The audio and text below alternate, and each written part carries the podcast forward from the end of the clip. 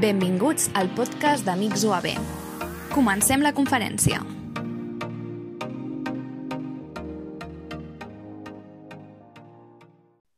Bé, abans que res, bona tarda a tots. Presentar-vos a la Marta, l'Agustí i la Núria, que realment seran els autèntics protagonistes de la xerrada d'avui. Bona tarda i benvinguts a tots, eh? Bona tarda. Bona tarda.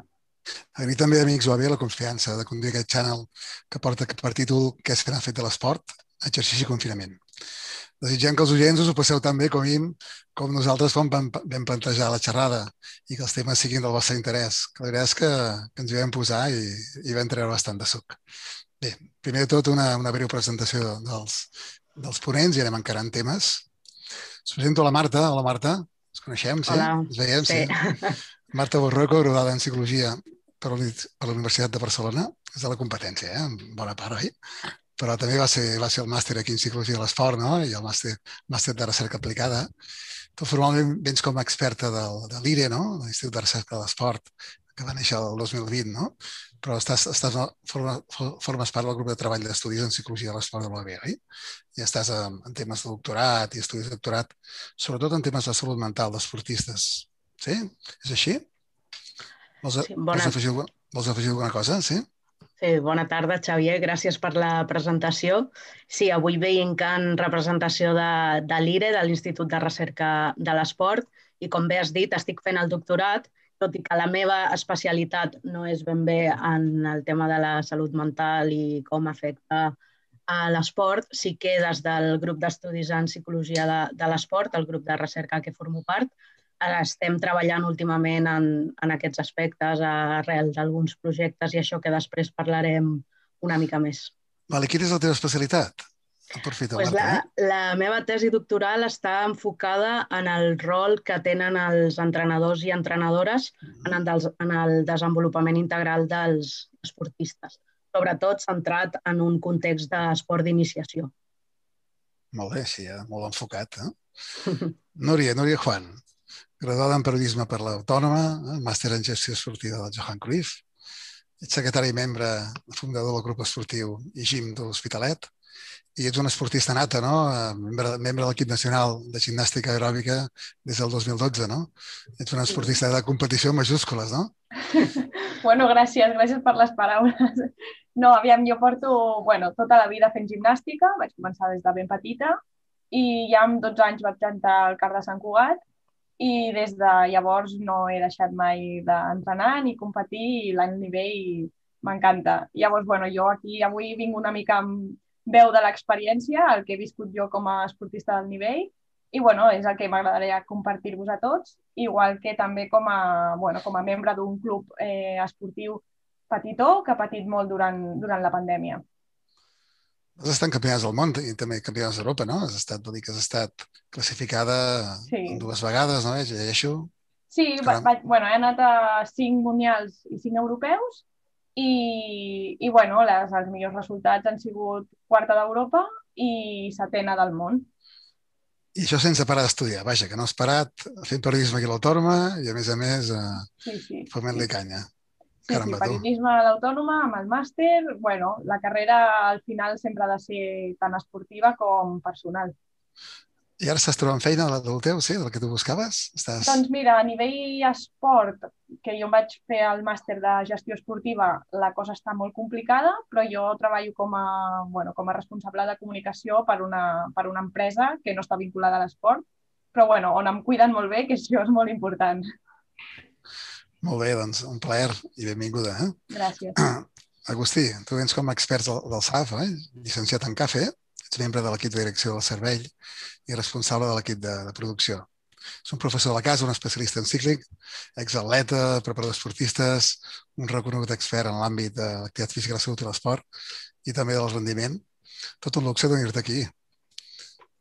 Moltes gràcies, Xavier, per, per la teva per les teves paraules, per la teva presentació i gràcies a amics de la UAB per posar a l'agenda un tema tan interessant com no podria ser d'una altra manera per nosaltres, que és el tema de l'esport i de l'activitat física, no? ja des d'una perspectiva eh, més focalitzada en aquests aspectes o eh, des de la perspectiva de la salut i de la transformació social que d'alguna manera o altra ha acompanyat també eh, tant l'esport com aquesta època Covid i post-Covid. Com podeu comprovar, és un plaer, eh? Moderar aquesta taula d'experts. Segur que disfrutarem avui, eh? A nivell formal, el channel consta de dos blocs. Un primer bloc on contestarem preguntes que hem preparat una mica amb els ponents i un segon bloc on els que esteu aquí escoltant i, i atents doncs podeu, podeu preguntar i comentar temes per xat que els hi farem arribar a cadascú. En tot cas, el que és important és que ens digueu a qui li voleu adreçar la pregunta i directament l'engegarem. Bé, després d'aquest preàmbul de rigor, comencem. Agustí, toca trencar el gel. Va, vinga. Sembla que, que ha passat una eternitat, però només ha passat un any des de la pandèmia. Eh? Vull dir que, que estem aquí, que, que sembla que portem 15 anys seguits fent el mateix, però dona'ns una mica perspectiva sobre, sobre l'esport, sobre el rol d'acte físic que hi havia abans del confinament i com ho veus tu, com veus tu el tema? Doncs mira, si, si, em, si em permets, començarem la primera llei de la termodinàmica, Hòstia, te vas molt lluny, eh? Sí, sí, sí. Perquè l'esport és una miqueta com l'energia, no? Que ni es crea ni es destrueix, sinó que es transforma. I dit això, si fem una visió antropològica de lo que ha sigut la pràctica físico-corporal des de la prehistòria, a data d'avui, doncs veurem que l'activitat física i l'esport han tingut diferents moments que el que han fet és atendre les necessitats que els humans ens hem, eh, ens hem donat vist cada moment. Per exemple, a la prehistòria, el que no estava alt, fort i valent, doncs, quan sortia a caçar, no pillava. I si no pillava, no menjava. I si no menjava, es moria.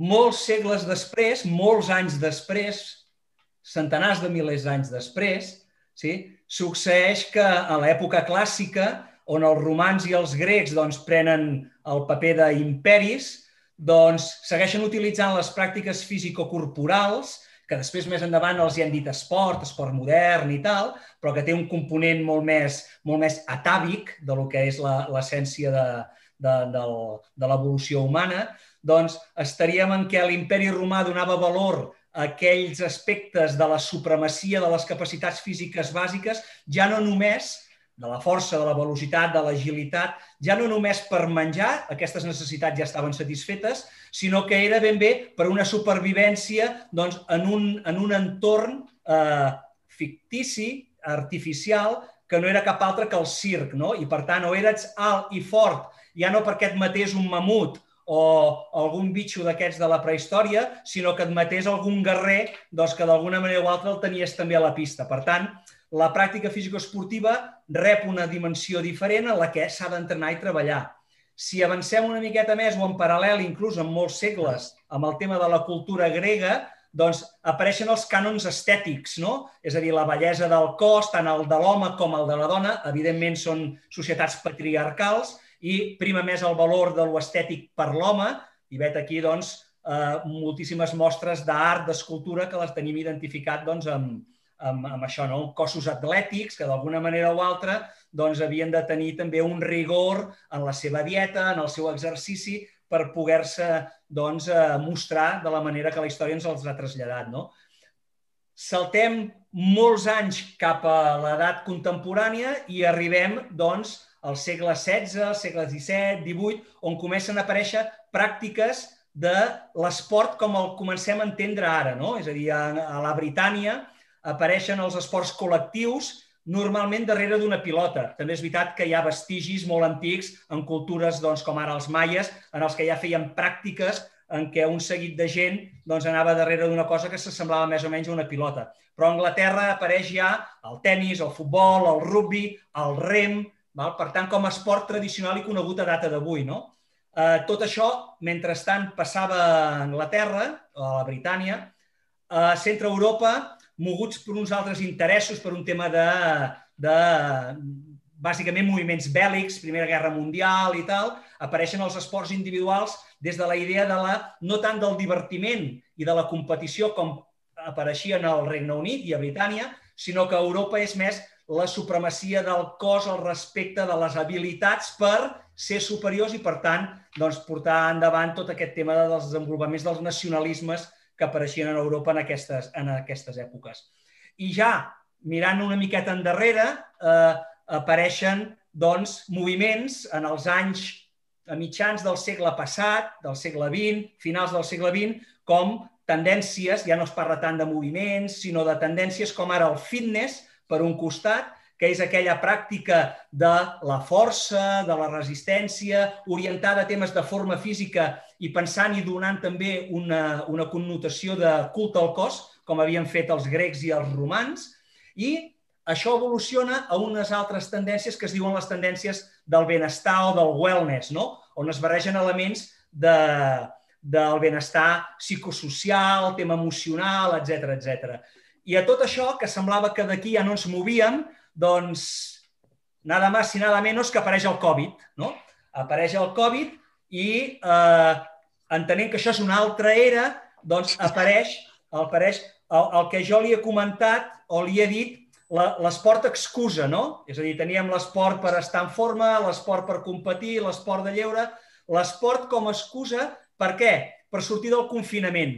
Sí? És a dir, tu no podies sortir de casa si no era per fer pipí al gos, per anar a comprar béns de, de primera necessitat o per fer activitat física i esport. I en aquí apareix un moviment que a data d'avui doncs encara el podem veure. Encara no estem en confinaments a casa, estem en confinaments, si no municipals, comarcals, i la veritat és que això ha quedat i veiem molta gent doncs, que està fent esport que no n'havia fet abans amb una excusa nova, que era la de sortir de casa, per un costat, i aquí faig broma, i l'altre és perquè realment ens, ens hem adonat amb el temps de Covid de que podíem fer realitat aquells desitjos que entre totes i tots a principi d'any ens donàvem, no? d'aprendre anglès, sí?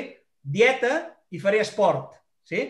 Doncs sobre, sobre la dieta i l'anglès, eh, cadascú el seu, però de fer esport la veritat és que amb el Covid hi ha hagut molta gent que, que ha començat a fer-lo. No?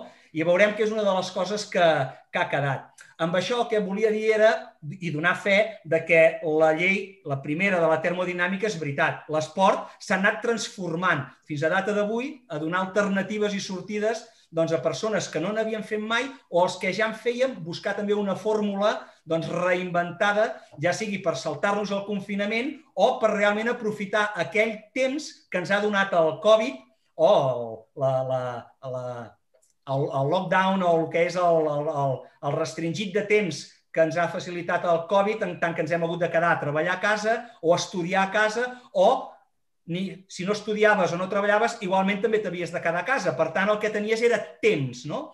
I entre el desig de fer anglès, dieta i esport, el temps que hem disposat perquè no ens hem hagut de traslladar i que realment era l'excusa perfecta per poder sortir de casa, doncs estem en una nova era de lo que seria la pràctica físico-esportiva o de l'esport. Serveixi tot de caricatura, però per situar-nos una miqueta doncs, en, en context. M'ha quedat flipat, eh? l'esport excusa, està bé això, que és un terme aquest. Marta, que, com, ha, com, com ha anat el confinament amb, els, amb la salut dels joves esportistes? Com ho veus? Com ho veieu vosaltres? Mira, m'ha agradat això que deia l'Agustí, no? de la caricatura aquesta de que l'esport ni es crea ni es destrueix, sinó que ens transforma, perquè jo crec que el Covid ha estat una mica això, ens ha transformat la realitat de tots. No? I, per exemple, nosaltres, amb el grup d'estudis en psicologia de l'esport, de l'Autònom, el GEPE, estàvem començant un projecte a quatre anys, un projecte que es diu Projecte Educa, que l'objectiu principal era eh, la promoció de carreres duals. Una carrera dual és quan l'esportista combina esport i, i estudis, no? una doble carrera. I bueno, l'objectiu d'aquest projecte era la promoció d'aquestes carreres duals saludables. Què va passar? Pues que, com tot, va arribar el coronavirus i tot es va, es va haver de, de parar. Llavors, nosaltres també ens hem, ens hem transformat i ens hem intentat adaptar en aquesta nova realitat i el que vam fer és que des d'aquest projecte Educa, que coordinem nosaltres des de l'Autònoma, però també participen, és un projecte del Ministeri, i participen diverses entitats a, a nivell estatal, com el CAR de Sant Cugat o també el Villarreal Club de Futbol, l'INEF de Madrid, i etc. Eh, vam transformar aquest objectiu o un dels objectius del, del projecte per adaptar-lo a aquesta nova situació. I el que ens vam plantejar era una mica explorar com el confinament, i quan parlo del confinament estic parlant del que deia l'Agustí, no? d'aquells mesos de, març, abril, maig, quan estàvem totalment tancats a casa, doncs com aquest confinament havia impactat a la salut mental dels esportistes, dels i les esportistes en etapes d'iniciació. Eh, no només com havia afectat a la salut mental, sinó també com, des del nostre parer, al final els esportistes són, són persones no? I, i el rendiment esportiu es pot veure influenciat per tots els àmbits de la vida, doncs també vam dir, val, preguntem a esportistes, volem saber l'impacte sobre la salut mental, però també volem saber l'impacte en les altres esferes vitals d'aquests joves. No? I llavors el que vam veure, bueno, vam recollir dades d'un de 544, exactament de 544 esportistes, més o menys el 50% noies i el 50% homes, que de 13 a 18 anys i eh, que més o menys pues, portaven uns 70 dies de promig confinats a casa. Va, llavors nosaltres els, el que volíem saber era aquest impacte no, del, del confinament, com valoraven ells que, pues, que la seva salut general havia canviat, eh, preguntàvem també com ho estaven com portaven el, com portaven el compaginament, en la compaginació de l'esport o del confinament amb els estudis i, i bueno, més o menys sí que vull dir que quan nosaltres vam preguntar sobre salut mental no ens referim a una salut mental des d'una perspectiva clínica, sinó més d'aquells símptomes subclínics que es podria dir que recullen pues, eh, símptomes d'angoixa, tensió, eh, com ha afectat a l'autoestima, etc. Val? I quan vam recollir les dades i les vam analitzar, aquesta recollida va durar més o menys un mes, però quan les vam analitzar ens vam adonar que sí que és cert que més o menys la meitat dels, dels esportistes no presentaven o més o menys l'impacte sí, o l'impacte del confinament havia estat eh, baix o una mica moderat, sí que és cert que l'altra meitat eh, presentava pues, una, una simptomatologia que almenys ens havia de preocupar. I el que nosaltres vam voler fer era detectar una mica quines diferents realitats eh, hi havia o qui, què estava passant, quins, a quins grups d'esportistes de, afectava més, a quins grups d'esportistes estava afectant menys. Llavors el que vam trobar és que hi havia tres realitats diferents.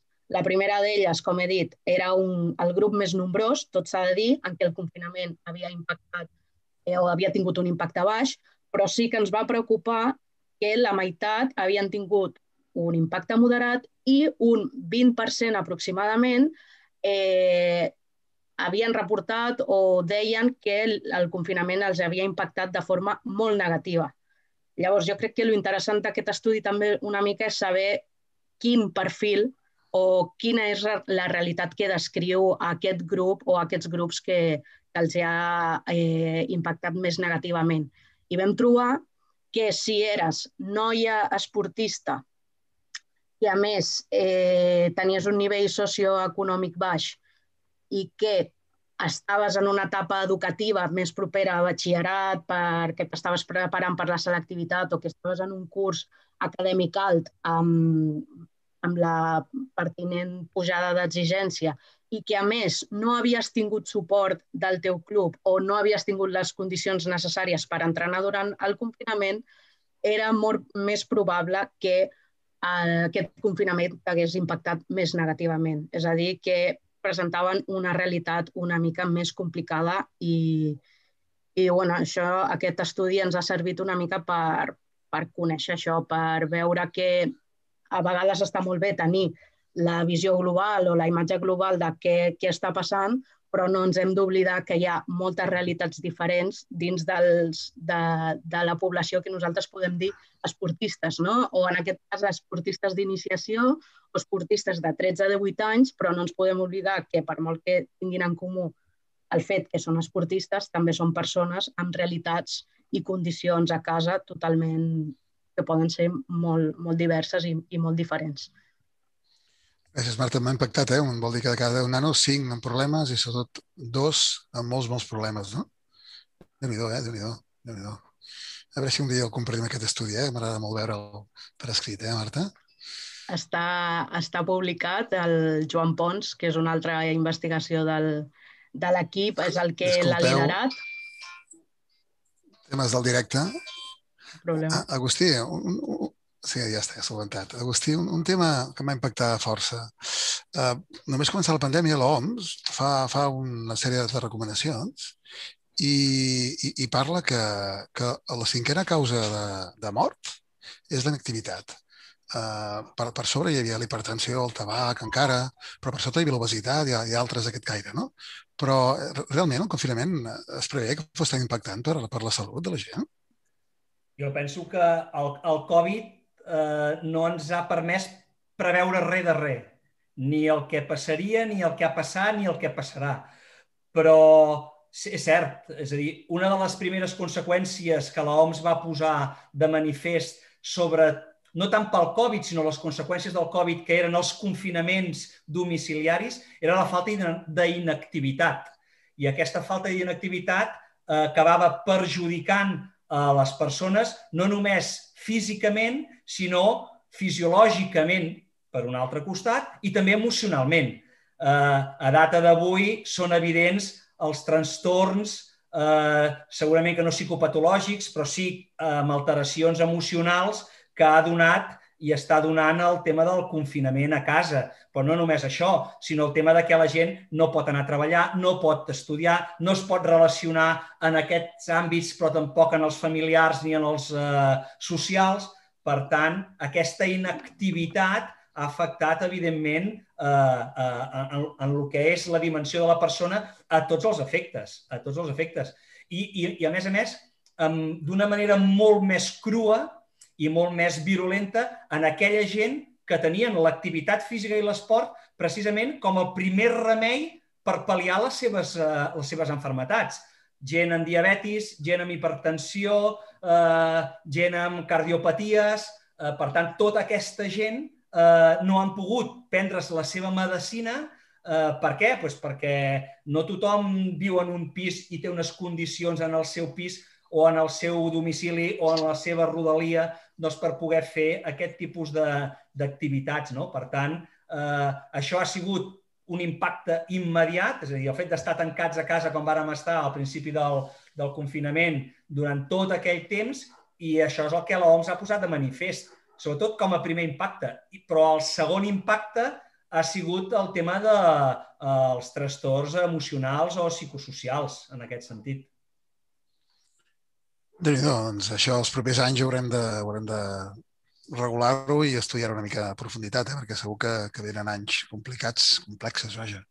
Núria, des de, des de l'alta competició, perquè que, tu, tu devies estar confinat a l'equip nacional, no? Com, com ho veu viure? Com, com, veu, com veu entrar en aquest, en aquest confinament? Perquè suposo que havien de suspendre totes les competicions de cop, no? Els entrenaments sí. també, si més no en primer terme. Sí, sí. A nosaltres el, el confinament ens va enganxar just... Eh, vam competir diumenge i el dilluns ens, ens confinaven. Ah, tots parats. Clar, era la primera competició de l'any. Nosaltres portàvem doncs, bueno, tot l'inici de la temporada preparant per, pel rodatge de totes les competicions i vam fer la primera, que és la, bueno, amb la que agafes una mica d'inici de, de, de temporada, amb la tota la motivació de, del món, perquè al final el nostre esport és un, no és un esport de lliga, que tens una competició cada cap de setmana, sinó que has d'aprofitar les competicions al màxim perquè potser en tens 3-4 i després te'n vas al Mundial. Llavors, clar, eh, bueno, és una altra forma de veure també l'esport, no tant de, de competició com a equip, sinó de competició individual, encara que treballis amb més gent. Llavors, mm, clar, nosaltres portàvem un ritme i un, un nivell d'entrenaments molt alt. Nosaltres entrenàvem quatre dies per setmana, eh, unes tres hores diàries i els dissabtes una mica més.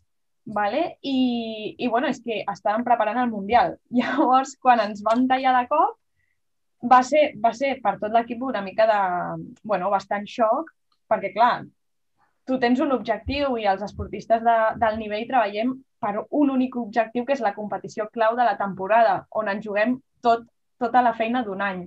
Llavors, clar, quan de cop ens trobem tots a casa nostra, també nosaltres som un equip particular perquè eh, ens juntem gent d'arreu de Catalunya a entrenar en un mateix lloc, perquè bueno, som de, de diferents punts. Llavors, el, el nostre punt de trobada era l'entrenament per poder fer el que ens motiva, el que ens agrada i al final és la, una part de la nostra feina. Llavors, clar, de cop ens vam trobar tots tancats i sense possibilitat de, de seguir i sense possibilitat de saber si anàvem a competir o no. Poc a poc sí que vam anar veient que s'anul·laven totes les competicions. Nosaltres, particularment, vam seguir treballant eh, online, com la majoria de clubs i com la majoria de gent des de casa. Sí que és veritat que per nosaltres és una mica més complicat perquè el nostre esport és molt de contacte, perquè ens agafem els uns als altres, fem transicions entre nosaltres. És un esport que és molt de seguir el ritme, seguir la música, i si no tens el company que vagi igual, al final no, no, no té el seu sentit treballar una coreografia sola quan tu l'has de fer amb set persones més. Llavors, per nosaltres, bueno, al final el que vam fer va ser decidim mantindre el nostre, el nostre físic, la nostra condició al màxim nivell que, que podem i un punt eh, puguem retomar, reprendre els entrenaments, doncs com a mínim que aquesta condició física estigui, estigui a l'alçada per poder bueno, doncs, tornar a fer aquells elements de més dificultat que necessiten d'aquesta preparació. Però clar, tot el, tota la feina de, de conjunt es comença a perdre quan no, quan no la treballes. Uf, difícil, difícil, no? Aquest tipus d'esports encara més, no? Sí, la veritat és que sí. Clar, eh, quines problemàtiques ens hem trobat? Eh, la, la falta de motivació per part de, per part de l'equip a vegades era, era complicada i sempre bueno, intentàvem estirar els uns dels altres per veure bueno, va, anem a veure si d'aquí poc doncs, podem recuperar una mica, podem trobar un nou objectiu, encara que sigui llunyà. Però, clar, a vegades doncs, la desmotivació entrava, entrava fort per part de, de, de molts membres. És, és, bueno, jo crec que al final el, el tema psíquic és, és complicat quan, quan no trobes la motivació que has tingut sempre, perquè sempre han treballat de la mateixa forma. Et trenquen els esquemes. Gràcies, Dòria és una, no és una, diguem, una celebració molt, molt agraïda, no? Suposo que heu patit bastant i, a més a més, amb, amb problemes col·lectius i, i amb abandonament, segurament, oi, també? Sí, sí, sí. Agustí, aleshores, la clau, què hauria de ser? Hauria de recuperar hàbits actius, eh, buscar maneres de, de, dins del confinament o amb la situació que tenim, eh, intentar revertir aquesta situació d'alguna manera o altra? Com ho veus, tu? una miqueta fil del que comentava la, la Núria i, i tenint en compte allò que comentàvem de l'OMS, no? que, que identifica com a que la primera causa sobre la salut de les persones del Covid precisament és la inactivitat. Uh, si a tot això hi barregem aquests elements uh, psicosocials de la falta de motivació que impliquen que la gent ja no tingui, estem parlant dels esportistes, eh? de més nivell o de menys, Podríem fer un exemple en l'esport escolar, d'acord?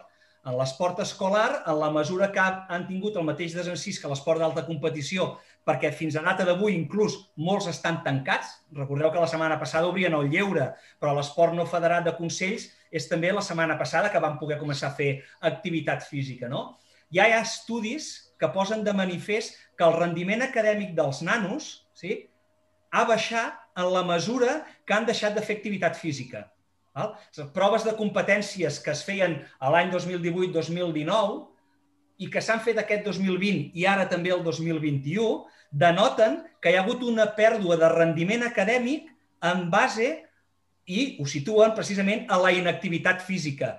No només perquè eh, corpore sano mens sana, que això ja fa molt de temps que, que es diu, sinó perquè realment eh, aquests confinaments ja siguin més estrictes o menys, han canviat i han alterat les nostres, els nostres hàbits, les nostres dinàmiques.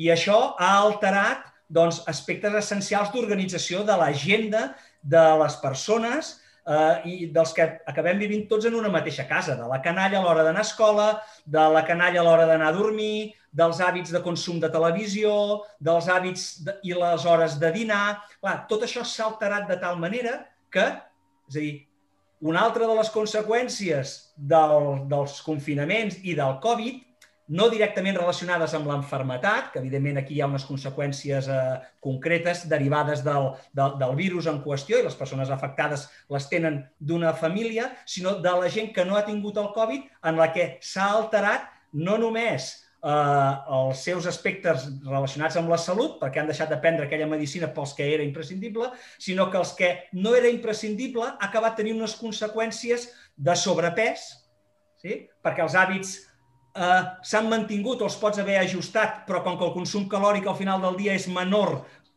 doncs això té conseqüències, però no només això, sinó que el fet d'estar tancat, de no poder-se relacionar, de la frustració que té el fet de no poder jugar a futbol la canalla amb la canalla o de poder fer aquells entrenaments vis a vis que feien doncs, esportistes de més o menys nivell, doncs tot això fa que d'alguna manera o altra eh, no només hagi trastornat o transtocat els nostres hàbits, sinó que ho ha fet en una manera, en aquest cas, i des de la perspectiva que ho estem enfocant ara, negativa. Sí que és, sí que és cert, sí que és cert, jo tinc algunes dades en aquí que és tret de diferents, de diferents articles, per exemple, que la primera onada eh, a Espanya, per exemple, van augmentar un 137% el consum i les compres de productes de home fitness. És a dir, allò que us deia, no? L'esport excusa. Ostres, ara puc, mitjançant l'esport, sortir de casa o puc disposar de temps per fer aquell esport que no havia fet. Clar, si a casa no la tinc mínimament equipada, doncs què feia? Me n'anava a Deport Village, me n'anava a Amazon, a Wish, a qualsevol portal d'aquests i feia l'adquisició dels meus productes per poder realment eh, posar-me en forma a casa. Això va ser una febre. Els primers tres mesos va ser una bogeria. Però no només això, sinó que el consum de lo que és el e-fitness, tots aquests portals de gent que d'alguna manera o altra han sigut o s'han fet gurús de, de, les, de les sessions virtuals, doncs qui no feia una sessió de glutis al dia o d'abdominals al dia amb la Patri Jordan o amb, la, amb, amb, amb qualsevol altra d'aquestes persones que són trending. No? Uh, això va anar bé, això va anar bé, eh? recorda, un 137% augmenten les, les compres, però per contra, sí, eh, tinc una altra dada a favor també i al principi de la pandèmia que diu que els articles de producció esportiva o relacionats amb temes esportius durant el primer trimestre de la pandèmia augmenten un 50%. És a dir, llegint diferents eh, eh, organismes que regulen la producció en articles de premsa, ens diuen això, no? de que molta més gent persuadida i convençuda de les bondats de l'activitat física, es posen a produir sí, a, a articles de que bons que són els abdominals, com pots fer glutis, eh, ara és la teva oportunitat. Per tant, d'alguna manera o altra, tot això, ostres, no hi mal que por bien no venga, no? Però a la tercera onada, sí, tinc un article de, de, del Regne Unit que ens diu que a la tercera onada eh, precisament tot això la gent ja perd l'entusiasme. I el que succeeix és que eh, més d'un 49% de la gent que havia començat a fer activitat física en, aquest, eh, en aquests confinaments inicials ha deixat de fer-ho per donar-se d'alta a plataformes de consum televisiu. Digue-li Netflix, digue-li Amazon Prime. Per tant, eh, ha sigut com un foc d'estiu, no? per dir-ho així. Uh, és una miqueta aquella broma que fèiem l'altre dia, no? de dir, quan deixarà? Perquè clar, això, al març a l'abril, és a dir, tu agafaves, i de fet va sortir una anècdota molt interessant d'Estrava, que va publicar en els, seus, en els seus canals, el primer dia que van deixar sortir a córrer, anar en bicicleta, a caminar, ho van fer a nivell global. És a dir, hi havia centenars de milers de persones que sortien de casa i feien els seus tracks i això, bueno, una cosa espectacular, no? Doncs tot això ha anat perdent força i els hàbits sedentaris... Al final jo sempre ho dic, eh? que això de córrer i de pedalar cansa. I a no tothom li agrada. Tothom té aspiracions per, però a l'hora de la veritat, ostres, suar, haver de rentar la roba, haver-t'hi de posar, l'endemà estàs cruixit, quan no fa mal la cama fa mal l'esquena... bueno, pues, no, no, no tota la població hi està disposada. Malgrat tothom li agradaria, eh, perquè és superguai, eh, això de fer esport, la veritat.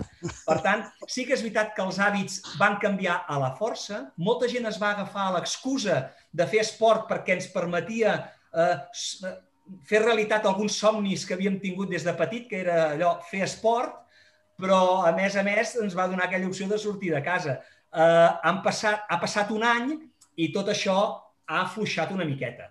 Val? I s'ha normalitzat amb aquells hàbits doncs, de l'àmbit de la restauració, no? és a dir, que deien, allò que deia la gent, no? quan la gent deixarà de fer esport? Quan obrin els bars. Era una broma fàcil, però realment eh, estic segur que hi ha hagut algú que ho ha medit. Eh? És a dir, de la mateixa manera que el dia que van obrir Strava va treure el seu màxim ràpel de, de tracks oficialitzats arreu del món, estic segur que el dia que van obrir el bar sí, van baixar. És a dir, va ser la pujada més gran i la baixada més gran. No? Eh, bromes a banda, no? és per pintar una miqueta la realitat així amb, amb, amb, amb caricatura, no? Però bueno, no sé si respon a el que deies dels canvis d'hàbits, no? Que ens anem adaptant als moments. Home, jo, jo em quedo amb menys bars, més esport, vull dir que la conclusió és evident. No, al món som tanta gent que penso que hi ha lloc per tothom, eh? Inclús, inclús per fer les dues coses. A veure si és veritat. Núria, vosaltres més o menys encara heu, heu mantingut entrenaments a l'alta competició, no? Jo he pogut mantenir un, un cert hàbit d'entrenament i de més. Però suposo que la represa dels campionats devia ser molt difícil, no? Sobretot a nivell mundial, a nivell estatal, tot el tema de, dels viatges i de més. Com sí. ho heu afrontat? Com... Doncs, doncs mira, eh, la Federació Espanyola, o sigui, nosaltres l'objectiu següent que teníem un cop va acabar el confinament era el Campionat d'Espanya. Eh, la Federació Espanyola ens va proposar fer-lo l'últim cap de setmana de, de desembre. Una data molt atípica per nosaltres perquè estem acostumats a fer-lo al maig, sobretot a principis de maig. Llavors, bueno, eh, per nosaltres va ser molt complicat, la veritat, perquè pensa que mm, ens hem d'ajuntar vuit persones per poder fer la categoria que, bueno, a la que aspiràvem al Mundial. Llavors, eh, el que vam pactar entre nosaltres és, bueno, ens juntem un dia a la setmana, encara que siguin moltes hores, però ens juntem tots. Què ens va passar i amb què ens vam trobar? Eh, hi havia molts dies que mm, no podíem ser tots perquè un havia estat en contacte amb un contagi, eh, algun de nosaltres, en el meu cas, per exemple, vaig estar amb el Covid i el vaig passar, eh, seguidament, cada cap de setmana, eh, hi havia alguna persona que, que tenia alguna cosa amb la que no podia, no podia ajustar-se per venir a l'entrenament. Llavors, bueno, eh, van haver, o sigui, vam haver de prendre decisions difícils i part de l'equip vam decidir no participar al Campionat d'Espanya. Per què?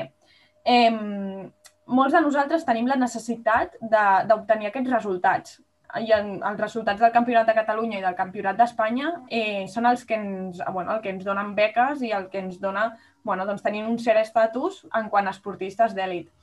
Però, bueno, eh, el Campionat d'Espanya, en unes dates tan complicades com és a finals de desembre, eh, el que podia fer és que nosaltres ens preparéssim un Campionat d'Espanya sense, sense temps real per fer una preparació adequada, ja no a nivell de fer una competició bona, sinó a nivell físic per nosaltres que fos perillós. Llavors, al final, entre, entre l'equip eh, va haver una part que va decidir, escolta, nosaltres sí que anem, volem aquests resultats, endavant, i vam haver una altra part de l'equip que vam decidir, mira, nosaltres no ens volem arriscar i preferim perdre un any i, i fer-ho bé el pròxim. Llavors, què és el que, el que ens hem trobat ara mateix? eh, l'any ha passat, o sigui, l'any no, no s'esborra del calendari. Llavors hi han hagut eh, diferents persones que han perdut oportunitats molt grans i això és realment una llàstima perquè el que parlava abans del temes de, de motivació, quan tu trobes una oportunitat a, a la gimnàstica d'èlit, és aquest, aquest any o mai. A vegades és així. Llavors, eh, nosaltres hem tingut casos de noies joves que pujaven de, de la base i es trobaven amb l'oportunitat de ser selecció nacional i participar en un mundial.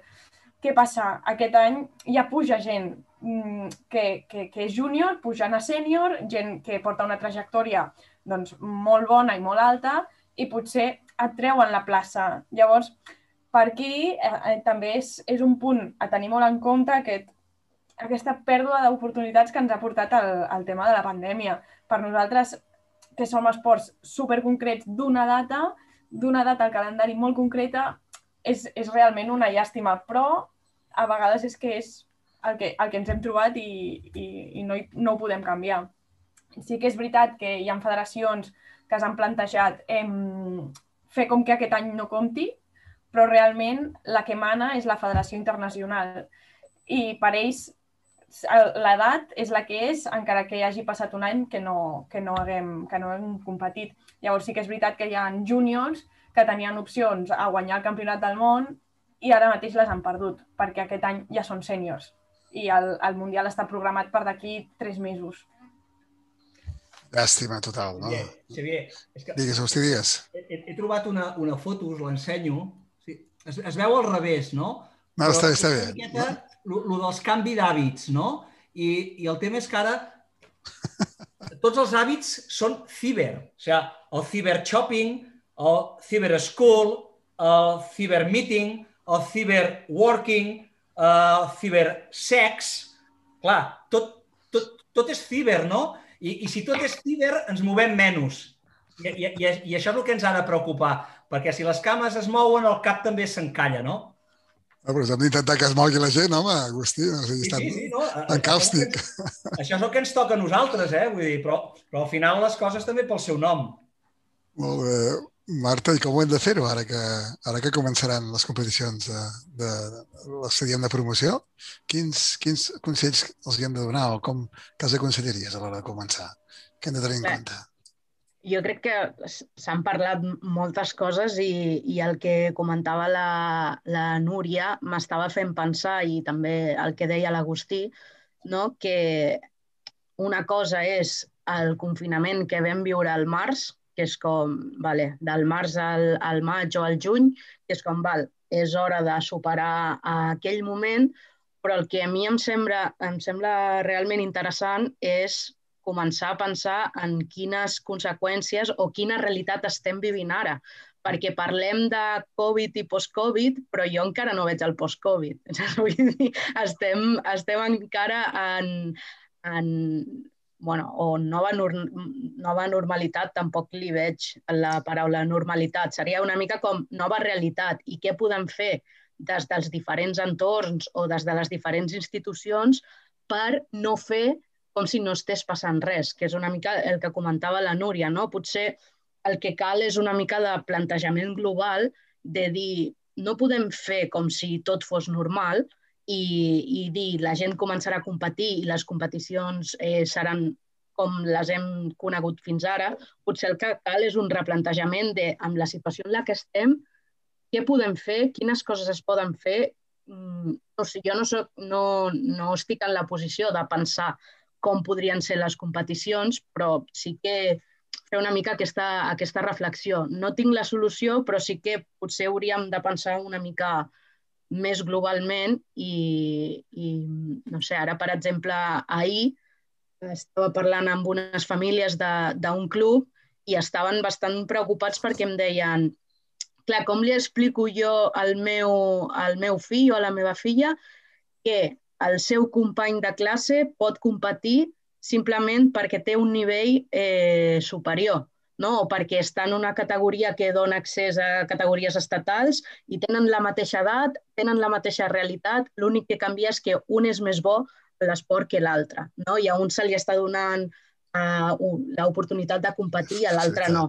Jo, jo no dic que, que sigui una decisió correcta o no, perquè segur que hi ha molts aspectes que, que se'ns escapen, però sí de fer la reflexió no? de què prioritzem o, o què entenem per competició o què poden fer els clubs o a nivell de protocols o les federacions a nivell de, de protocols o de plantejament de, de competicions. No? No, tinc, no tinc la resposta, però sí moltes preguntes, la veritat. Perquè, Núria, us heu trobat molts abandonaments també a l'esport d'elit?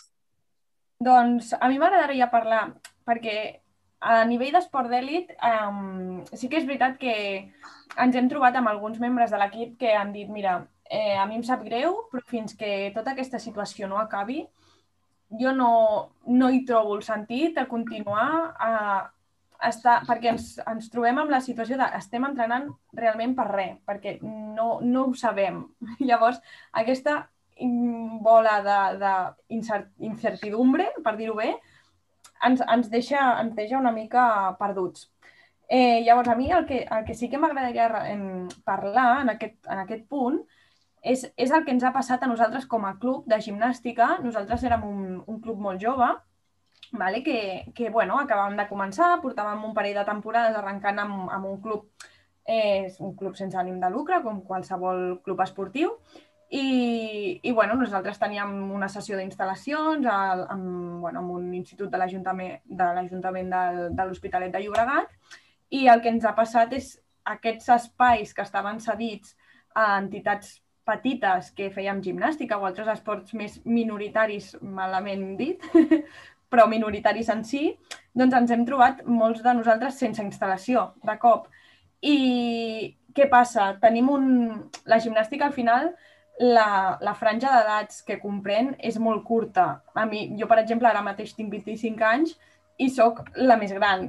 Llavors, el, la franja d'edats de 12 a 14 anys és un, és un punt en el que molta gent o segueix perquè és la seva passió o abandona l'esport i l'abandona definitivament per passar-se anar a fer una mica de fitness, no? Llavors, el en aquest... fitness de l'Agustí, no? Sí, llavors, en aquest punt nosaltres ens hem sentit una mica abandonats perquè teníem molta, molta gent de, de, de l'Hospitalet de Llobregat, moltes nenes i algun, algun nen també de gimnàstica aeròbica que tenien aquestes edats entre 12 a 14 anys i que jolín, es fa ràbia que, que gent que encara està motivada, que encara fa esport, que encara té la motivació per anar a competir, encara que sigui en base, és igual. Que et trobis entrenant al carrer i que molts, bueno, que les ajudes per part de la Generalitat han arribat massa tard per molts clubs, que els ajuntaments et, et deixen desemparat i et, veu, et veus obligat a entrenar al carrer. Llavors, teníem no, noies d'aquesta edat entrenant al carrer preparant un campionat d'Espanya. Al final, què va passar? Igual que molta part de l'equip nacional vam dir, escolta, no hi anem, les noies de 14 anys en plena adolescència es veuen al carrer entrenant per un campionat que no se sap mm, com es celebrarà. No, va, no hi van anar ningú. Llavors, aquest grupet de noies que encara es podien salvar, que encara es podia estirar un any, dos anys més d'esport, s'han perdut. I és, també és una llàstima per aquí, perquè es podrien haver salvat i haver l'esport al final et dona molta vida i et, et, et cuida i et dona una bombolla de protecció molt bona en aquesta edat. I, i per, per aquest lloc els hem perdut. Una, són franges complexes, no? que ens trobarem sí. molts abandonaments a tots els nivells, no? tant a nivell, a nivell d'alt nivell com, com a promoció, com a competicions de, de sí. tipus. Sí, sí, Perquè... a més, abans, abans que em canvis, eh, no. també per, per la nostra part, el que ens, el que ens passa és que, igual que qualsevol federació, la de gimnàstica també ha reduït el pressupost d'una forma molt dràstica. Llavors, eh, a nivell del Mundial, que us dic que estava a data de, de maig, eh, hem passat d'un pressupost aproximadament, perquè no, no el sé del tot, d'unes 12 persones a que la federació assumeixi la participació de només 4. Llavors, clar, quan et treuen una oportunitat d'aquesta manera amb una edat ja de... La meva són 25, però el meu equip doncs, està entre els 20 i els 25, que és la meva edat. Quan et treuen aquesta oportunitat i et diuen, mira, és que no, no podem fer res, també et, et desmotiva per seguir sense entrenar, perquè és un punt crític de la carrera esportiva.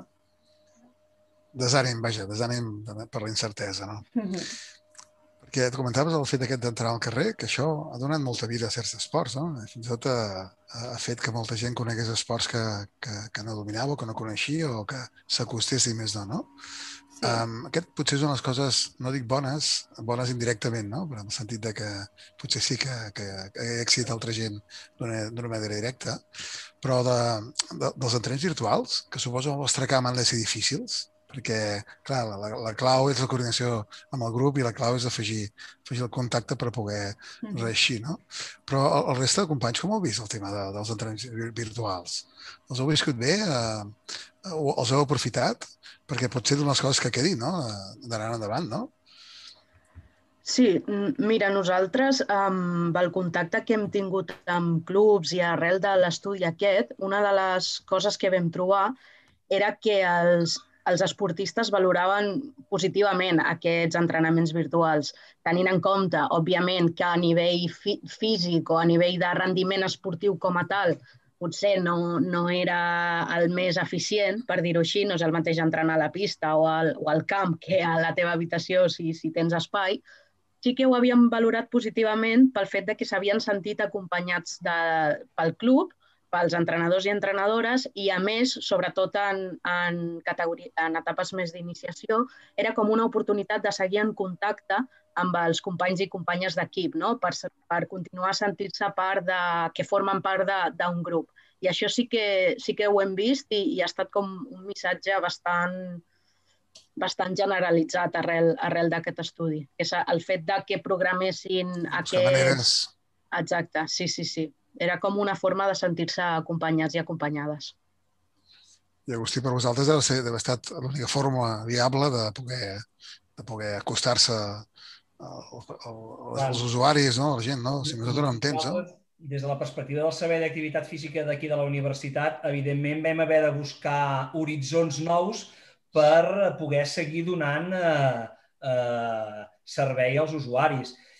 I, i un servei des d'aquestes dues perspectives que, que hem anat apuntant tot el moment, en tot moment, eh?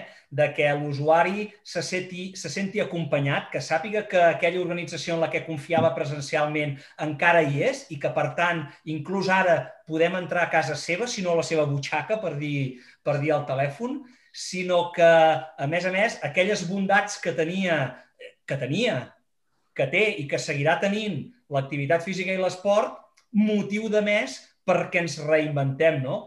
I, de fet, nosaltres vàrem fer un, un esforç eh, molt important a nivell d'organització del, del servei per acollir-nos a diferents plataformes que d'alguna manera o altra donaven aquests catàlegs de servei, primer més genèrics, però després a les que els varen poder personalitzar, perquè també hi havia aquest element de la personalització, és a dir, no és el mateix que la classe te la faci la Patri Jordan, que no la conec de res, o que te la faci la Lília, o que te la faci el Joshua del SAF, que és el que els dilluns i els dimecres, de tal hora a tal hora, et feia aquella mateixa classe. No?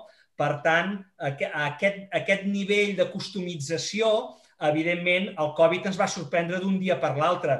Ens varen donar uns temps per poder per poder-nos adaptar, estirant d'aquests recursos que existeixen a la xarxa, però eh, arribant a customitzar-los de tal manera que inclús, inclús ja no només fèiem aquestes classes virtuals del Joshua o de la Lília o de, de la Laura o de l'Enric o de qui fos, sinó que les fèiem inclús també en directe per què? Perquè no és el mateix veure una classe eh, virtual del Joshua o veure una classe en directe del Josu, en aquest sentit. Per què?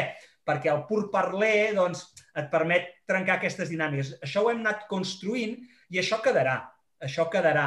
Evidentment, eh, si llegeixes coses d'opinió al respecte del fitness, algú, algú havia arribat a dir que aquest seria el futur i nosaltres estem convençuts i persuadits de que ni serà el futur ni serà una competència a la presencialitat.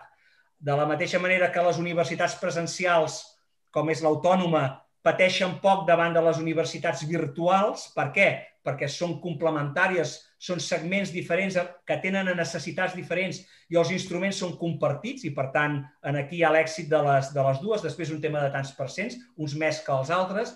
El tema de la virtualitat en activitat física, a part de servir per fer contacte, per fer xàxera, per fer, per fer activitat física i esport, ens ha donat aquesta opció de tenir continguts rigorosos que d'alguna manera o altra t'han permès seguir tenint un entrenament i seguint tenint aquell contacte individual amb aquella gent que t'ha fet confiança i que d'alguna manera o altra entre tots també ens hem vist privats de, de poder-nos seguir trobant el dilluns a tal hora a la pista d'aeròbic o a la pista de bàsquet o a la pista de... Per tant, és un recurs que ja hi era, existia i ara s'ha posat en valor. I la veritat és que les plataformes en aquest sentit s'han hagut de posar les piles i són molt més competents les plataformes del 2021 que les plataformes del, del 2020. A nivell tecnològic, eh?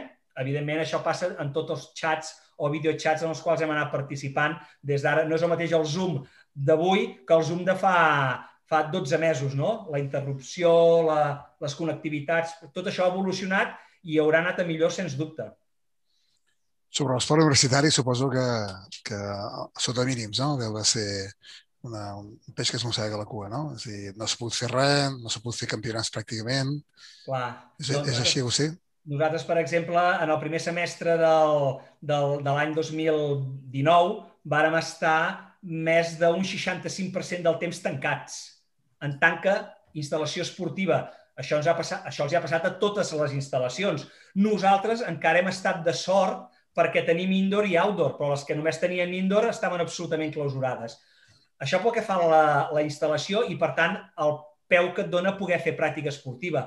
Evidentment, l'esport, si es va parar l'esport professional i va començar pels interessos que, que li corresponen l'esport professional, el futbol, etc etc, això, evidentment, no s'ha traduït en l'esport eh, l'esport universitari eh, per, per un tema de calatge. De fet, eh, a nivell esportiu, és veritat que tenim Lliga de Futbol, tenim Premier, tenim Calcio, tenim Bundesliga, tenim uh, uh, Champions, tenim Lliga de Campions, tenim en bàsquet, en handball, però i tenim en esports individuals aquelles proves que donen accés als campionats estatals o internacionals.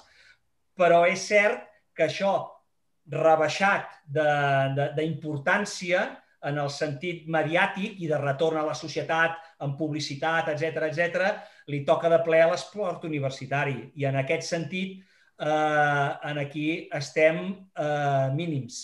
A mínims per, una, per, per diferents raons. Una, perquè l'esport universitari té els mitjans que té, també té la transcendència que té, d'acord? I, per contra, perquè topa directament amb interessos o amb realitats de la pròpia universitat que costen molt de, de discernir. És a dir, a data d'avui hi ha dificultat. De fet, fins no fa 15 dies o 3 setmanes, els alumnes de grau de primer no van accedir a la universitat presencial com perquè ens puguem plantejar de fer uns entrenaments de rugby o de futbol pensant en uns campionats de Catalunya. Evidentment que els que estem en l'àmbit de l'esport, aquest seria el primer motiu per, per treballar i arremangar-nos, no? Però les realitats de les universitats i el debat no està en l'esport universitari, sinó que està en com podem fer que els alumnes vinguin presencialment i puguin seguir els seus estudis, com es poden fer les pràctiques, com es podran fer els exàmens i, evidentment, davant d'una realitat tan complexa, canviant i cara de resoldre, perquè recordem que hi ha un tema de, de, de recursos disponibles, que, com aquell que diu, no els tenim en la sanitat, tampoc els tenim en l'educació, disposar-los i lluitar i esbarallar-nos perquè el pugui acabar tenint l'esport universitari, doncs genera una miqueta eh, eh, de contradicció, eh? una contradicció interna, una contradicció professional que, bueno, que fa que d'alguna manera o altra com a esport català universitari o l'esport que es fa a les universitats, estiguem aplaçant de manera contínua perquè no volem eh, anul·lar-ho. Eh? La, la idea és poder-nos mantenir d'en peus mentre es puguem, però evidentment la realitat és tossuda i les, eh, les onades són les que són, estem a la tercera, diuen que ja està, que ja està venint la quarta, i clar, tot això genera un, un contrasentit amb el que us comentava, eh? amb aquestes contradiccions internes de què toca fer ara o què no toca fer, però a més a més hi ha un altre element que és el calendari. Uh, la universitat té un calendari uh, acadèmic que té uns tempos, uh, en qüestió d'un mes estarem a Setmana Santa, quedarà poc més pels exàmens finals, s'acabarà el curs, arribarem a l'estiu i estarem pensant en les matrícules del curs 2021-2022. Tot això va començar el 19. Jo no me n'he enterat i han volat dos anys. Saps? Vull dir que... Nosaltres tampoc ens ha passat l'hora sencera, eh? Marta, Marta Núria, uh, hi ha una miqueta per passar al segon bloc. Va, Creieu que quedaran coses positives? Què, què es pot deixar la pandèmia? Ens afectarà en un futur immediat d'alguna manera? Hi heu pensat una mica?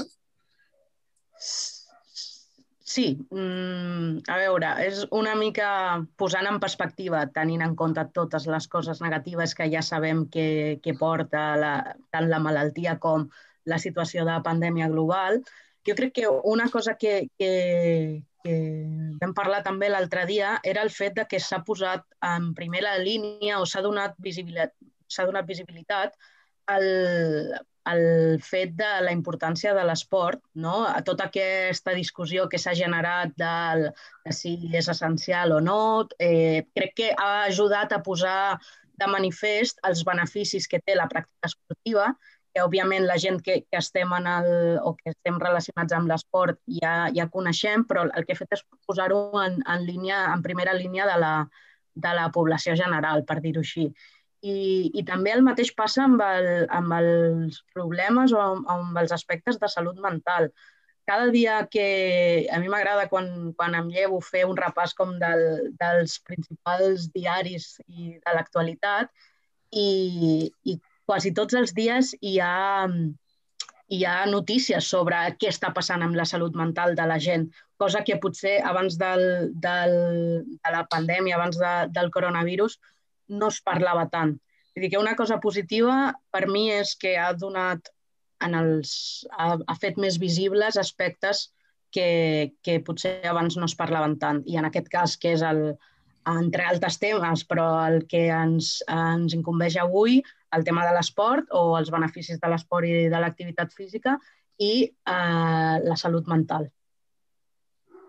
I jo per mi crec que coses positives que poguéssim treure una mica de, de tot el que ens ha portat la, la pandèmia, sí que és veritat que eh, això que comentava l'Agustí de l'esport excusa, jo crec que hi ha molta gent que s'ha quedat enganxada a una mica de ostres, doncs a mi em va bé sortir a caminar a les 8 i hi ha molta gent que manté això, això és superpositiu i igual que hi ha molta gent, de cop veus ciclistes per tots jocs i és veritat, o sigui, aquest punt d'esport-salut, esport-salut mental és super important i jo crec que hi ha molta gent que no ho tenia com a rutina, potser encara que sigui un, un cop a la setmana, és igual, però hi ha molta gent que ho ha agafat com a rutina i també una altra cosa de les, de les que es pot treure positives és que hem trobat una nova manera també de fer esport, encara que sigui a casa, i hem sapigut utilitzar totes aquestes eines que ens dona la tecnologia per aprofitar i que la gent que potser abans no tenia accés a fer esport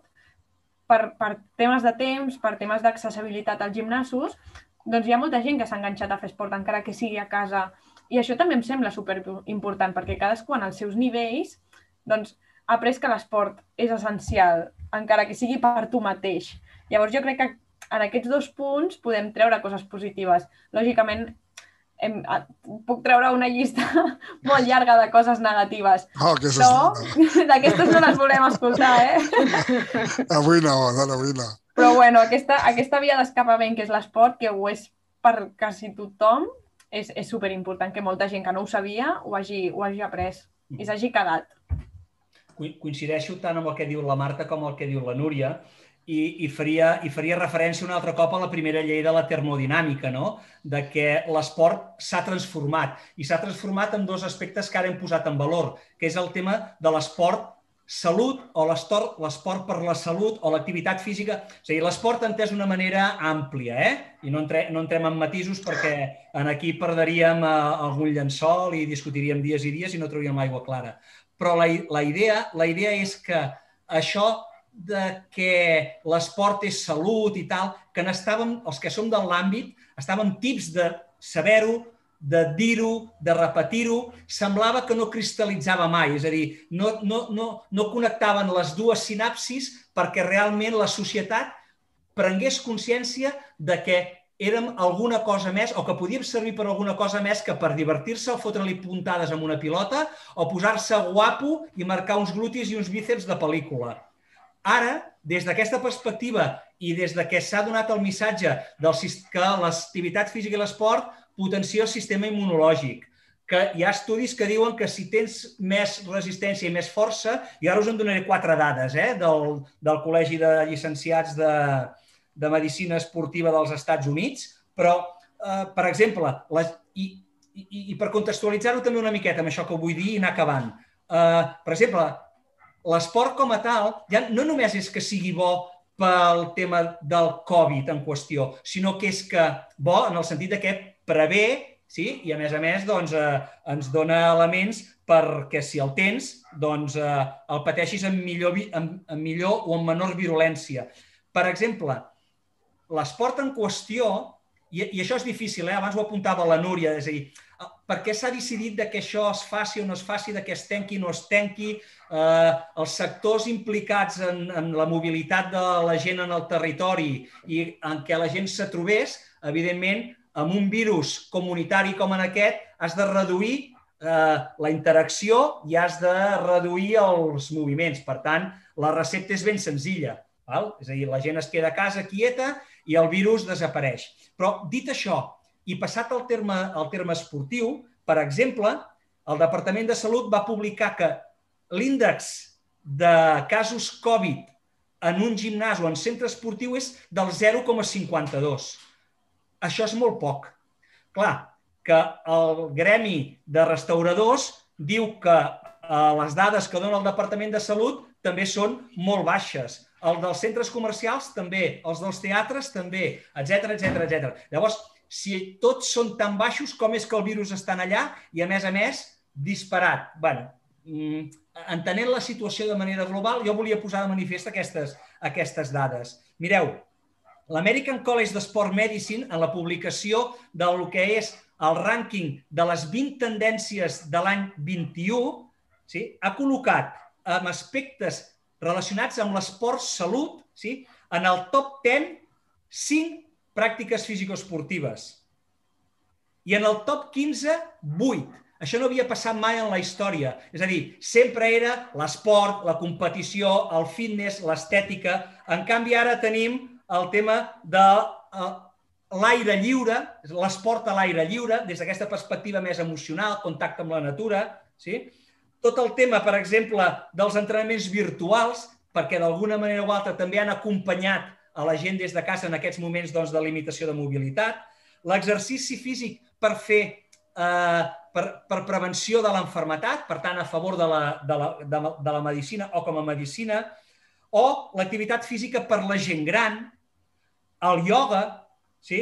l'exercici físic per perdre pes i un estil de vida que aquí a Europa es diu de salutogènesis, que és aquella tendència en la que un mateix és amo i senyor del seu nivell de salut i en funció del que inverteixi en temps de dieta, en temps de pràctica esportiva, doncs tindrà millor salut.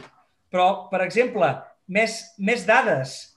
Eh, les taxes de contagi, les taxes de contagi d'un estudi que ha fet la Universitat de Colorado als Estats Units situa que en gimnasos és zero. En canvi, en els hospitals o serveis de salut la taxa de contagi és de 51,6. En restaurants de 1,2. Per tant, el que ens està dient és que l'esport com a tal sí, segueix sent bo pel Covid i, per tant, és un remei de prevenció i de millora. Uh, el mateix, dades de l'International Health Racket Sports Association, el que està conegut com IRSA als Estats Units, és una de les referències. El 70% dels practicants del 2020, Estats Units, eh, penseu que venen o estan fets aquests estudis en, en era Trump, amb la qual el negacionisme estava a l'ordre del dia, tots els mitjans deien que això del Covid només era un refredat, etc etc. Però ja la IRSA identifica que el 70% dels practicants de fer esport ho fan per salut, no del Covid, eh? sinó per salut. Per tant, ja hi ha un trànsit, sabem que als Estats Units, si agafes l'esport Califòrnia, ja sabem de què va el rotllo, no? Per tant, que el 2021, perdó, el 2020, aquests estudis ja diguin que el 70% dels practicants dels Estats Units ho estan fent per un tema de salut, és molt interessant i reforça aquell missatge que comentàvem abans. Però més coses. És a dir, estudis també de l'IRSA diuen que a més activitat física, a més dies d'anar al gimnàs, menys risc d'assumir el Covid. Però no només això, sinó que els de infectats amb Covid, la virulència de l'enfermetat era molt menor en les persones que eren físicament actives que no pas les que no ho eren. Per tant, inclús el Covid com a enfermetat es comporta diferent amb les persones que són físicament actives. Per tant, carai, això de l'esport funciona tant si hi ha Covid com si no n'hi ha, no? Això és tremendo. Uh, per exemple, el risc d'infecció d'aquest estudi fet a la Universitat de Colorado deia que si anaves al gimnàs tenies un 15% de risc. Els que feien entrenament a casa, un 16% de risc. I els que no entrenaven, un 18% de risc de eh, tenir el virus de Covid. Per tant, el sistema immunològic en aquest sentit, posat en valor, posat en valor i exercitat, fa que pugui combatre el mateix, el mateix Covid. Aviam si tinc alguna dada més que, que interessi en aquest sentit. Uh, bueno, no, res, per, per, no, per no capitalitzar el tema d'aquestes dades, no? que el que ens estan dient és que l'esport transformat a esport salut és bo per prevenir el Covid i és bo per tractar-lo com a tal. Llavors, en aquest sentit, doncs, no sé què quedarà, però jo penso que l'argumentari i, i els criteris que d'alguna manera o altra posen en valor l'esport i aquest esport transformat en esport salut, doncs jo penso que estem en una situació ara, el 2021, molt diferent a la que estàvem el 2019, 2016, 2015. Per què? Pues perquè bueno, la pandèmia ha fet això, eh? ha fet estralls i d'alguna manera o altra doncs, eh, l'activitat física i l'esport, repeteixo, entès en la seva màxima o més extesa expressió, el que fa és donar bondats sobre la prevenció de l'enfermetat en general, però en particular també ja tenim estudis que diuen que del mateix Covid. déu Agustí. Tens corda per estona, eh, que sí? Bueno, m'ho he preparat una miqueta. Com ha de ser, home, com ha de ser. Ens estan demanant de, de fer-nos algunes preguntes. Si us sembla bé, l'Agustí ens ha preparat un vídeo eh, que, és, que és instructiu i és divertit a la vegada. Eh? Si us sembla bé, fer un petit recés, un petit descans a l'espera de poder llegir aquestes preguntes i d'aquí un moment estem, estem plegats. Pots enllaçar-ho, Agustí, sisplau? L'estic entrant. Res, dura dos, dos minuts i mig. Experiencing an unprecedented crisis during which decisions taken every day will have an impact on future generations. There are urgent actions to prioritize and important actions to take. The urgency requires immediate, drastic, strategic, and carefully executed actions. Unfortunately, the important actions have been postponed. Practice of regular physical activity is part of what's important, and the urgency of this matter has been once again postponed. Obesity is gaining ground and costs the Canadian health system billions of dollars every year, with prediction of one Canadian out of four being obese by 2030. COVID 19 is hitting those with chronic diseases much harder than healthier people. We're talking about obesity, diabetes, hypertension, respiratory illnesses, and much more. Physical health, but inactivity also is arming mental wellness. Canada is sick, and the pandemic is highlighting important actions that should have been considered much earlier. Just as anxiety and depression are not solved by a simple phone call to your loved ones, a healthy and active lifestyle is not simply planned by going for a walk outside fitness specialists are available to advise, guide, and supervise physical activity.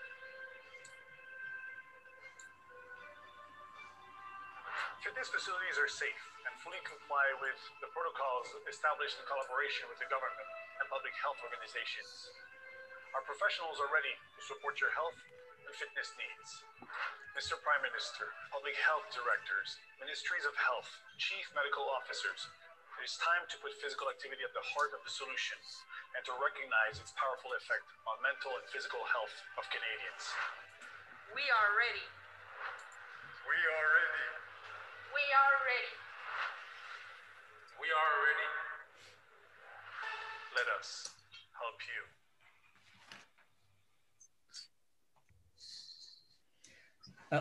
Una miqueta la idea era aquesta, no? l'esport salut en el moment que hem deixat de fer esport per la situació, eh, res ha anat millor i la proposta és que nosaltres, des del sector de l'activitat física, ens posem per davant del carro i que d'alguna manera o altra les autoritats ens deixin... Perdoneu, ui, perdoneu, que. Seguim. Oh. Perdoneu, eh? Doncs comentava això, no?, de que realment es dona la- l'oportunitat ara de recuperar aquest terreny que d'alguna manera o altra ens havia estat negat o, o, o menys tingut, no? Jo penso que a data d'avui eh, és una carrera, la de l'activitat física i l'esport, que només podem guanyar i depèn de nosaltres, eh, del sector en aquest sentit. De fet, com a cosa bona, recordeu o sapigueu que la setmana passada el Congreso de los Diputados va fer una declaració no de llei per, de, per, per proposar que l'esport fos declarat bé essencial en aquest sentit. No? Per tant, això estic convençut que sense el Covid no hagués sigut possible. Per tant, eh, sense que ningú mal interpreti, benvingut sigui el Covid per donar-li aquesta importància de salut, salut, salut i més salut. A part de tot el recorregut i de tota la transformació des de la prehistòria, eh? per suposat. Gràcies, Agustí. Algunes preguntes dels- oients, va. Uh, Núria, com podem ajudar els clubs com el teu? Què caldria fer? Doncs mira, eh, nosaltres realment eh, el que hem tingut és un problema de falta d'ajut per part d'institucions. La nostra entitat sí que és veritat que era una entitat jove, però era una entitat que funcionava molt bé i era una entitat, una entitat sostenible econòmicament. Què ha passat? A partir de la falta d'una instal·lació, sense instal·lació nosaltres no podem, no podem fer gimnàstica al carrer, podem aprofitar una mica, però bueno, els nens sense una mica de matalassos, una mica d'aparells, la gimnàstica no és el mateix. Llavors, sí que hem trobat a faltar ajuda, eh, primer, econòmica, que s'ha arribat, en principi, pel que es diu, s'ha arribat i ens han arribat els formularis per poder optar a aquestes ajudes, però són ajudes que han arribat massa tard per entitats que vivim el dia a dia i que teníem doncs, els nostres treballadors en ERTE. Llavors, clar, a l'ERTE s'ha menjat tots els estalvis que hem anat fent miqueta a miqueta amb aquesta activitat i, i bé, mm, sí que és veritat que esperàvem que per part de l'Ajuntament potser es posés una mica més de, de, de, bueno, de- d'ajuda en trobar una, una instal·lació, encara que fos provisional, per poder passar i poder sortir mm, d'aquesta sotregada que hem tingut, però, però bueno, el, la situació al final que, a, a la que ens ha portat és a tancar una entitat que realment treballava la gimnàstica de forma diferent, sense ser especialistes en una, en una modalitat en concret, sinó que treballant el físic de cada gimnasta pel que pot ser millor pel gimnasta, no una, una modalitat. Llavors, bueno, les ajudes només poden ser aquestes en, en entitats tan petites com la nostra. Més ajuda d'institucions i ajudes econòmiques que han arribat massa tard. Llavors, el tancament ha sigut mm, l'única solució. Núria. Uh, la, la, la pregunta és, però, et podríem ajudar d'alguna manera?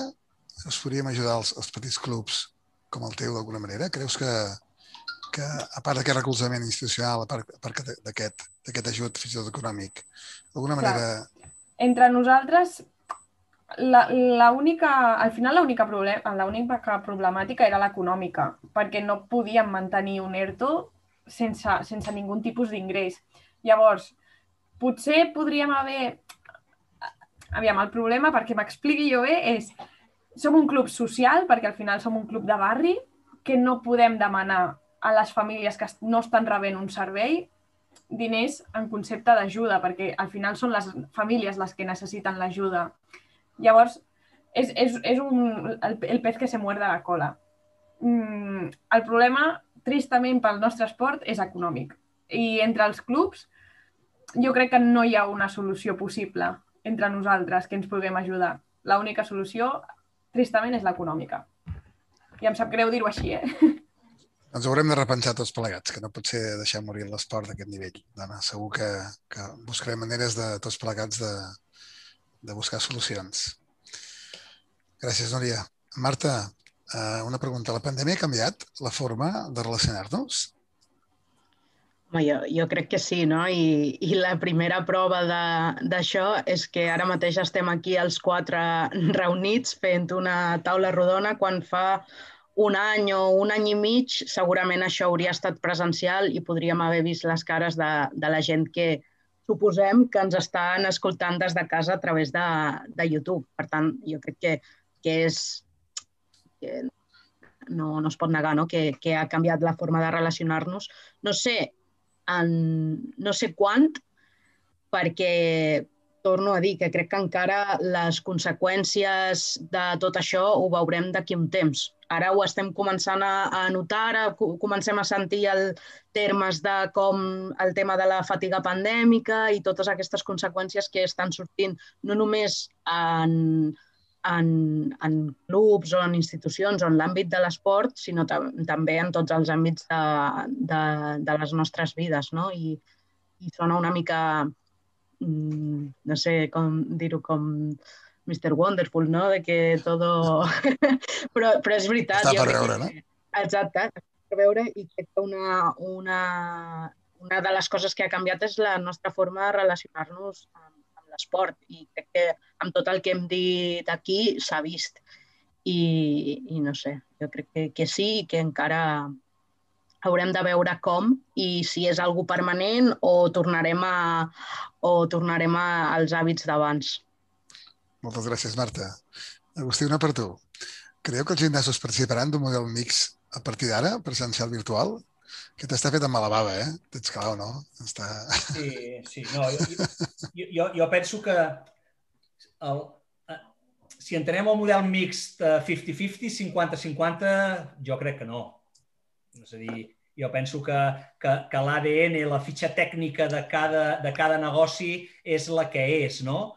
I llavors, el mateix exemple que comentava abans de les universitats, és a dir, una universitat que té una infraestructura eh, en metres quadrats i amb, i amb instal·lació i equipament no té cap sentit que orienti el seu negoci a la virtualitat, perquè aquell lloguer s'ha de pagar, aquells fluids, mantenir l'aigua calenta de la piscina costa molts diners, per tant, eh, ja des d'aquesta part eh, eh, empírica no?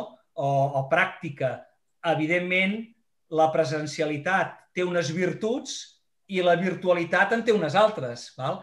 Eh, jo penso que eh, estirar i agafar la part bona per complementar la teva oferta o per poder mantenir doncs, aquell contacte, ja no pensant només en moments de pandèmia, eh? Perquè els entesos diuen que en vindran més. Home, molt, molt encisador no és aquest futur que ens diuen, no? Però en qualsevol cas, en qualsevol cas, sí que és cert, i nosaltres, eh, com a, com a gimnàs universitari, tenim una, una realitat d'abonats que, per exemple, eh, estudiants desapareixen durant mesos perquè estan fent un intercanvi internacional o professors que també estan fent intercanvis o pràctiques a l'estranger, etc etc. Per tant, que el SAF en aquests casos el puguin acompanyar doncs, amb unes pràctiques eh, curriculars a Estocolm, amb les classes del Josu en directe o en virtual diferit, doncs jo penso que és un plus. Ara, això no substituirà ni les ganes de l'usuari d'estar, venir a la piscina i fer l'aigua gym o fer l'activitat de glutis i tal, a diferència que les empreses, en aquest cas absolutament virtualitzades, no tindran l'opció doncs, de poder anar a espais eh, físics per poder doncs, fer eh, o complementar aquest, eh, aquesta oferta. No? Jo penso que serà per les instal·lacions presencials com la nostra, com en aquest cas la del servei de, de la universitat, serà un complement, i un complement estratègic, interessant, és a dir, amb una visió estratègica i tàctica, penso que interessant per poder mantenir el contacte amb l'usuari, per donar-li valor afegit i perquè, d'alguna manera o altra, aquest usuari doncs, no perdi, no faci un interruptus en la seva carrera sin fin en, en la pràctica esportiva per la salut en aquest cas. No? Per tant, jo penso que conviuran els sistemes, de la mateixa manera que també hi haurà empreses que seran 100% presencials i empreses que seran 100% virtuals, eh? per suposat. Però en aquí no penso que, que, que el peix gran es mengi el petit o, o que hi hagi una gran transformació en la que ningú quedi fora de joc, al contrari. Al contrari. Doncs moltes gràcies, Agustí. I moltes gràcies, companys. Eh? Tres visions, tres visions al voltant de l'esport. No m'agradaria marxar sense que, que penséssiu tres conclusions de, eh, sobre, sobre la xerrada d'avui. Uh, no sé qui s'anima. Va, vinga, tres conclusions que creieu que puguem, que puguem quedar amb, amb el record o amb el present d'aquesta trobada. Va, qui s'anima? Vinga. Aviam, conclusions. Jo crec que tots els punts han quedat molt clars i a mi no m'agradaria perdre tampoc el, el positivisme, no? d'intentar trobar aquesta part positiva de la pandèmia, que és difícil, però la pot tenir. Llavors, a mi el que sí que m'agradaria fer és una mica de, de crida a l'autoresponsabilitat, perquè som molta gent la que creiem que l'esport és salut i que l'esport és un bé essencial, encara que no sigui material, per, per molta gent a nivell salut mm, física i mental. Llavors, eh, mantinguem aquest esport en una tassa de contagis baixa, mantinguem les mesures de seguretat en el punt en, en les que s'han de, de mantindre. El, és, és, mm, és complicat d'explicar-ho tal qual, però el meu contagi de Covid va ser a través de l'esport. No, no el meu esport, però el d'altres persones. Llavors, que el que sí que m'agradaria fer és aquest, aquesta crida a, a siguem responsables, fem que l'esport es pugui fer, es pugui fer de forma segura, perquè mm, a vegades és complicat de fer-ho i, i, i és així perquè l'esport al final hi ha molta part d'esport de contacte, però anem, anem a fer aquesta responsabilitat. I, i bueno, aquesta seria la meva petita, la meva petita crida. Sí, sí, sí. És una I... gran aportació, dona, només faltaria. I tant que sí. Moltíssimes gràcies, Núria. De res, uh, gràcies a vosaltres pensa en ajuts que hi ha a clubs i entitats que segur que estàs pendent. Eh? Ho dic perquè segur que s'han de buscar manera de revertir el que està passant. L'OFEC també, està pre també està preparant coses, en consta que també, però no es pot, no es pot deixar morir a l'esport de base. Segur que solucions en trobarem plegats. Vinga. Dòria. Ojalà. Gràcies. Seguríssim que sí. Algú més? Jo... Algú? Sí, Marta, Marta, gràcies. afegiria Afegiria també que, igual que em sumo a la crida aquesta d'autoresponsabilitat per, per tothom, volia dir que no només per, per les persones que, que estan fent esport, sinó també per, pels clubs o organitzacions, institucions esportives que, que, que no són només l'espai físic on la gent va fer l'esport, sinó que tenen un paper molt important a l'hora d'acompanyar als, als seus esportistes i que facin reflexió sobre què poden aportar o com poden acompanyar, ja sigui si els seus recursos només eh, permeten pues, que estiguin en contacte via Zoom o el que sigui, però que, que tinguin un paper actiu. Així jo crec que si sumem una mica autoresponsabilitat individual i la responsabilitat i paper actiu dels clubs, segurament eh, podrem garantir una mica més aquest espai um, i mantenir aquestes dades tan baixes i aquestes tasses de contagi tan, tan baixes. Positiva també, m'agrada molt, molt. Moltes gràcies, Marta. Agustí. Xavier, ens està quedant brodat, eh? I no ho teníem previst. La, la Núria ha parlat de la autoresponsabilitat de les persones, la Marta de les entitats promotores de l'esport, clubs, entitats, gimnasos, i a mi m'agradaria parlar de les empreses. Val? Uh, i, i, i, I tinc molt clar que serem saludables o no serem. Això, això és una obvietat, com la copa d'un pino, però eh, cau pel seu propi pes. O som saludables o no serem. I aquest no sé és com bastant dramàtic. Eh? No cal posar-li més, més eh, definició. Serem saludables, està clar. Llavors, llavors això em porta a una altra conclusió, que és que el futur serà actiu i, per suposat, saludable. El de les persones, el dels clubs esportius, però sobretot el de les empreses que vulguin ser modernes, tenir cura dels seus treballadors, donar valor afegit, tenir i donar sentit de pertinença i portar la seva marca a uns nivells que a data d'avui i abans del Covid, si no és perquè realment es creuen que l'activitat física, la promoció dels hàbits saludables i actius no fan que siguin essencials i que, a més a més, siguin part d'aquella solució immediata de l'empresa en el moment que ara estem visquent, eh, difícilment inclús aquestes empreses, si no són saludables, no seran.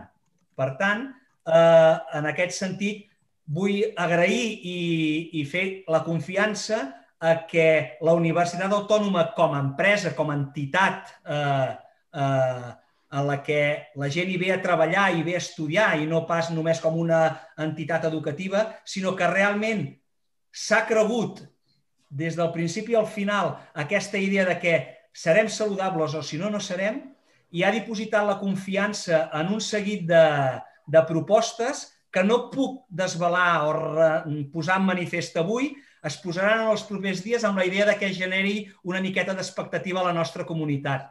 Per tant, una, agrair-ho, dos, convençut de que és el camí i a la comunitat universitària, a tota ella, que estigui molt atenta a les notícies que la Universitat Autònoma ens té preparades per a aquesta època de nova normalitat aquesta època de post-Covid, diguem-li, Marta, com vulguem, com sapiguem, com puguem, però sí que és cert que el Covid, com a tal, ha fet que canviéssim, ha fet que ens veiem, que veiem unes necessitats que no les teníem i que si no s'haguessin donat situacions desastroses i catastròfiques, probablement no hauríem eh, passat o canviat de pantalla. I a data d'avui, penso que, per desgràcia, o torno a fer referència a aquella dita de no hi mal que por bien no venga, a la nostra universitat passaran coses respecte a el que hem estat parlant fins a data d'avui que seran molt interessants i que fixaran el futur no ja no només de la pròpia universitat, sinó d'organitzacions i entitats de la importància de la Universitat Autònoma de Barcelona. Moltes gràcies, Agustí. De fet, ho estàs preparant perquè en fem un altre, eh? està clar. Eh? Així sabem la Núria com hi ha anat, si han trobat solucions, la Marta com, com acaben els estudis, l'Agustí amb aquesta notícia bomba. En tot cas, tres, tres missatges molt clars, tots al voltant de la responsabilitat i siguem actius i saludables i fins a la propera i encantats per tot. Eh? Un plaer, senyors. Gràcies, gràcies a tots de nou i, i a veure si ens trobem en unes condicions més, més normals, d'acord? Hem d'esperar 30 segons. Recordeu, sí. Gràcies, a reveure. A reveure, Jara. Fins ara.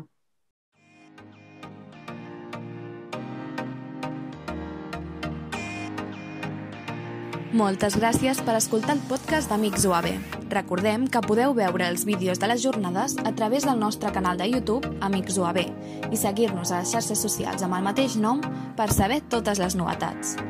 Fins la pròxima!